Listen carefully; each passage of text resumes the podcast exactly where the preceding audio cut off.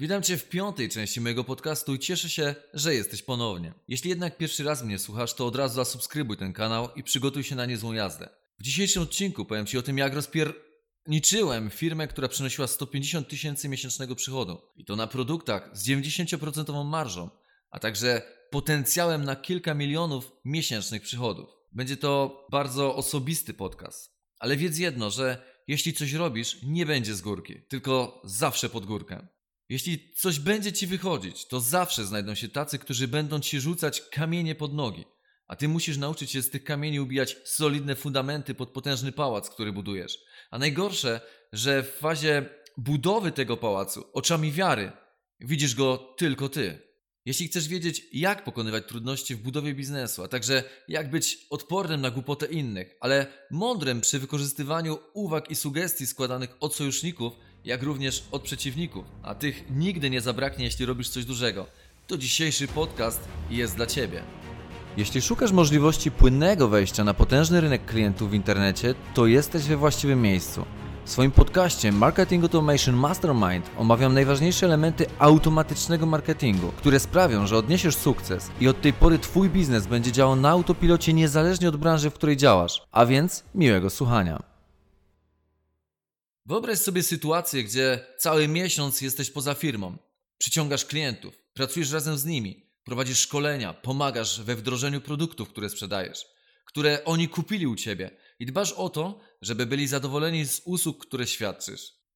Żeby bardzo przybliżyć Ci sytuację i powagę zaangażowania w rozwój biznesu, jest poniedziałek, czwarta nad ranem, siadasz do pociągu w Katowicach, aby o dziewiątej już być we Wrocławiu, bo do godziny 15 prowadzisz tam szkolenia i warsztaty, a po południu udajesz się do Poznania, gdzie w następny dzień, w tych samych godzinach, odbywają się również warsztaty. W środę warsztaty prowadzisz w Szczecinie, we czwartek w Gdańsku, a w piątek musisz być w Toruniu. Również tam przychodzą ludzie, którzy czekają na to, żebyś poprowadził dla nich warsztaty i szkolenie. Wracasz do domu wypompowany z piątku na sobotę w nocy, ale to dopiero początek miesiąca, ponieważ w poniedziałek zaczynasz znowu, ponieważ w kolejnych miastach czeka na ciebie od 20 do 50 osób gotowych na nową dawkę wiedzy i praktyki, którą przekazujesz. Zaczynamy podróż od Rzeszowa, we wtorek warsztaty prowadzisz w Lublinie, następnie Warszawa, we czwartek jesteś w Olsztynie, a w piątek w Białymstoku. Wracasz do domu w sobotę nad ranem. Następny poniedziałek jesteś w Łodzi, we wtorek w Katowicach, a w weekend lecisz do Londynu i prowadzisz szkolenie w sobotę w Londynie, a w niedzielę w Bristolu. Całą firmą sterujesz z pociągu, bo nie ma innej możliwości. Przygotowania eventowe, prace, jakie trzeba wykonać w związku z budową wartościowych treści, szkoleń i warsztatów, a w dodatku ciągle pracujesz nad usprawnieniem działania produktów, które przecież sprzedajesz.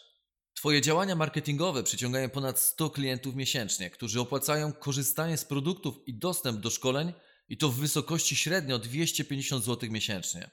Oprócz tego zdalnie prowadzisz webinaria, a także ustalasz harmonogram prowadzących je na każdy miesiąc, gdzie w każdym tygodniu organizujesz aż cztery takie spotkania i często prowadzisz je z hotelu, a nie ze swojego biura. Wiesz, że to co robisz wnosi wielką wartość do życia tych ludzi i widzisz w tym szansę dla wielu z nich.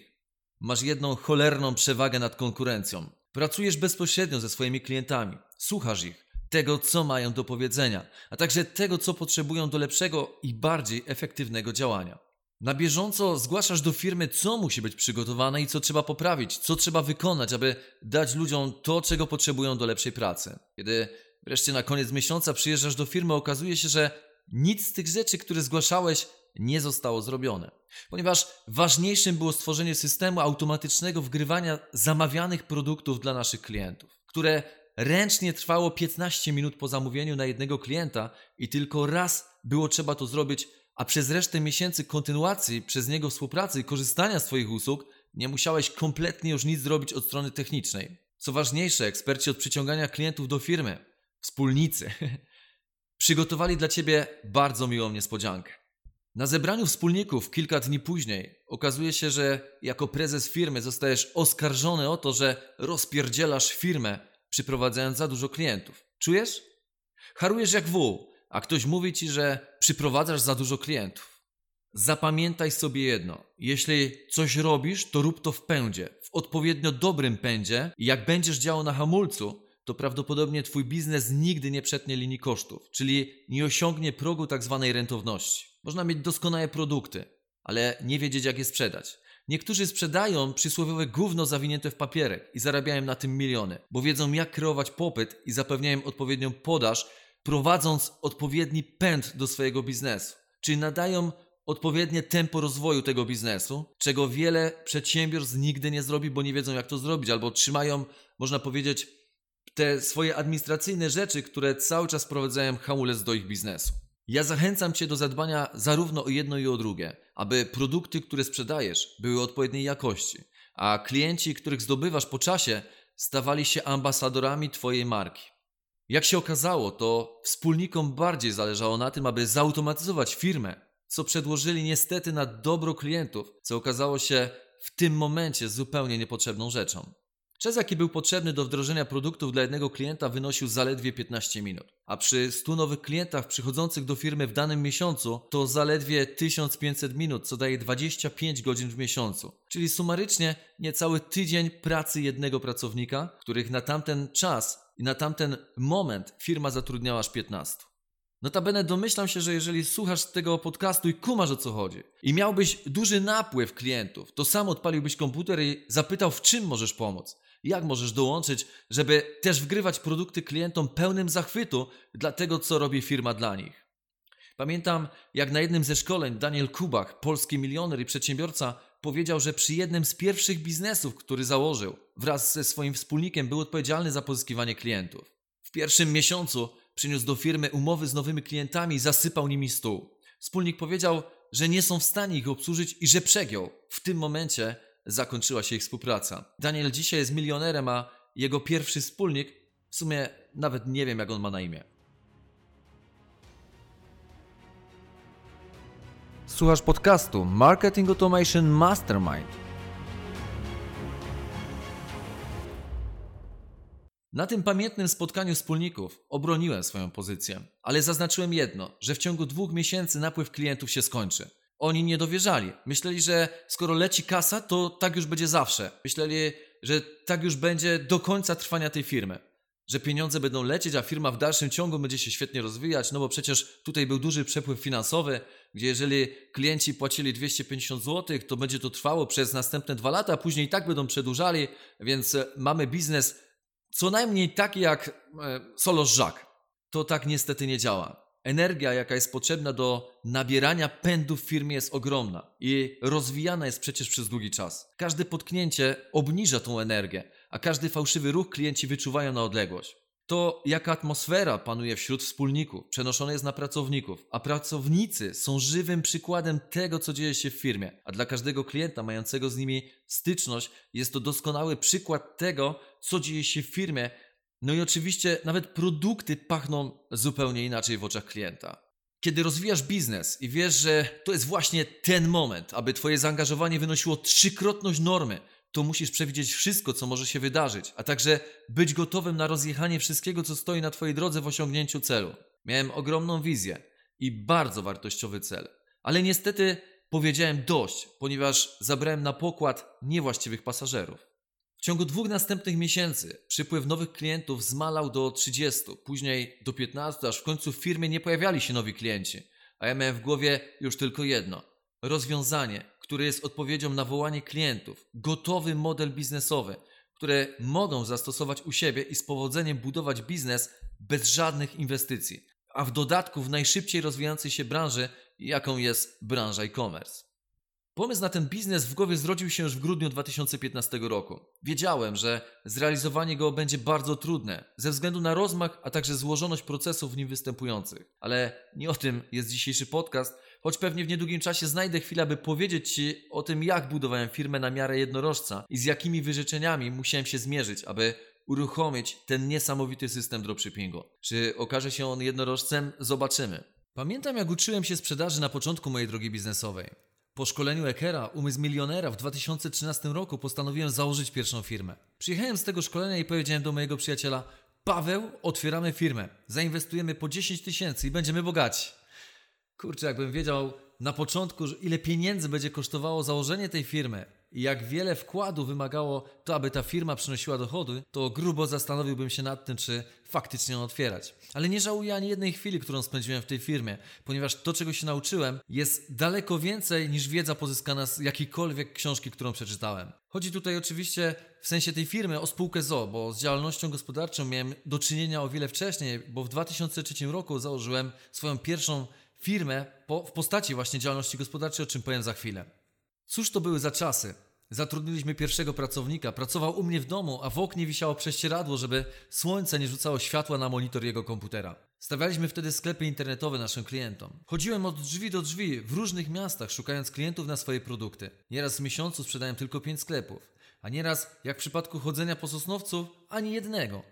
W końcu pod koniec takiego miesiąca trafiłem do przedsiębiorcy, który zapytał mnie, dlaczego chodzimy po Sosnowcu. Co prawda sprzedaję w Sosnowcu, ale mieszkam gdzie indziej i mówi, że ludzie tu są strasznie toporni. Kompletnie nie wiem o co chodzi z tym Sosnowcem, ale jak wpiszę się w wyszukiwarce Google o co chodzi z Sosnowcem, to normalnie samo Google podpowiada, że coś jest nie tak z tą frazą i bardzo dużo właśnie jakichś wyszukiwań jest na ten temat.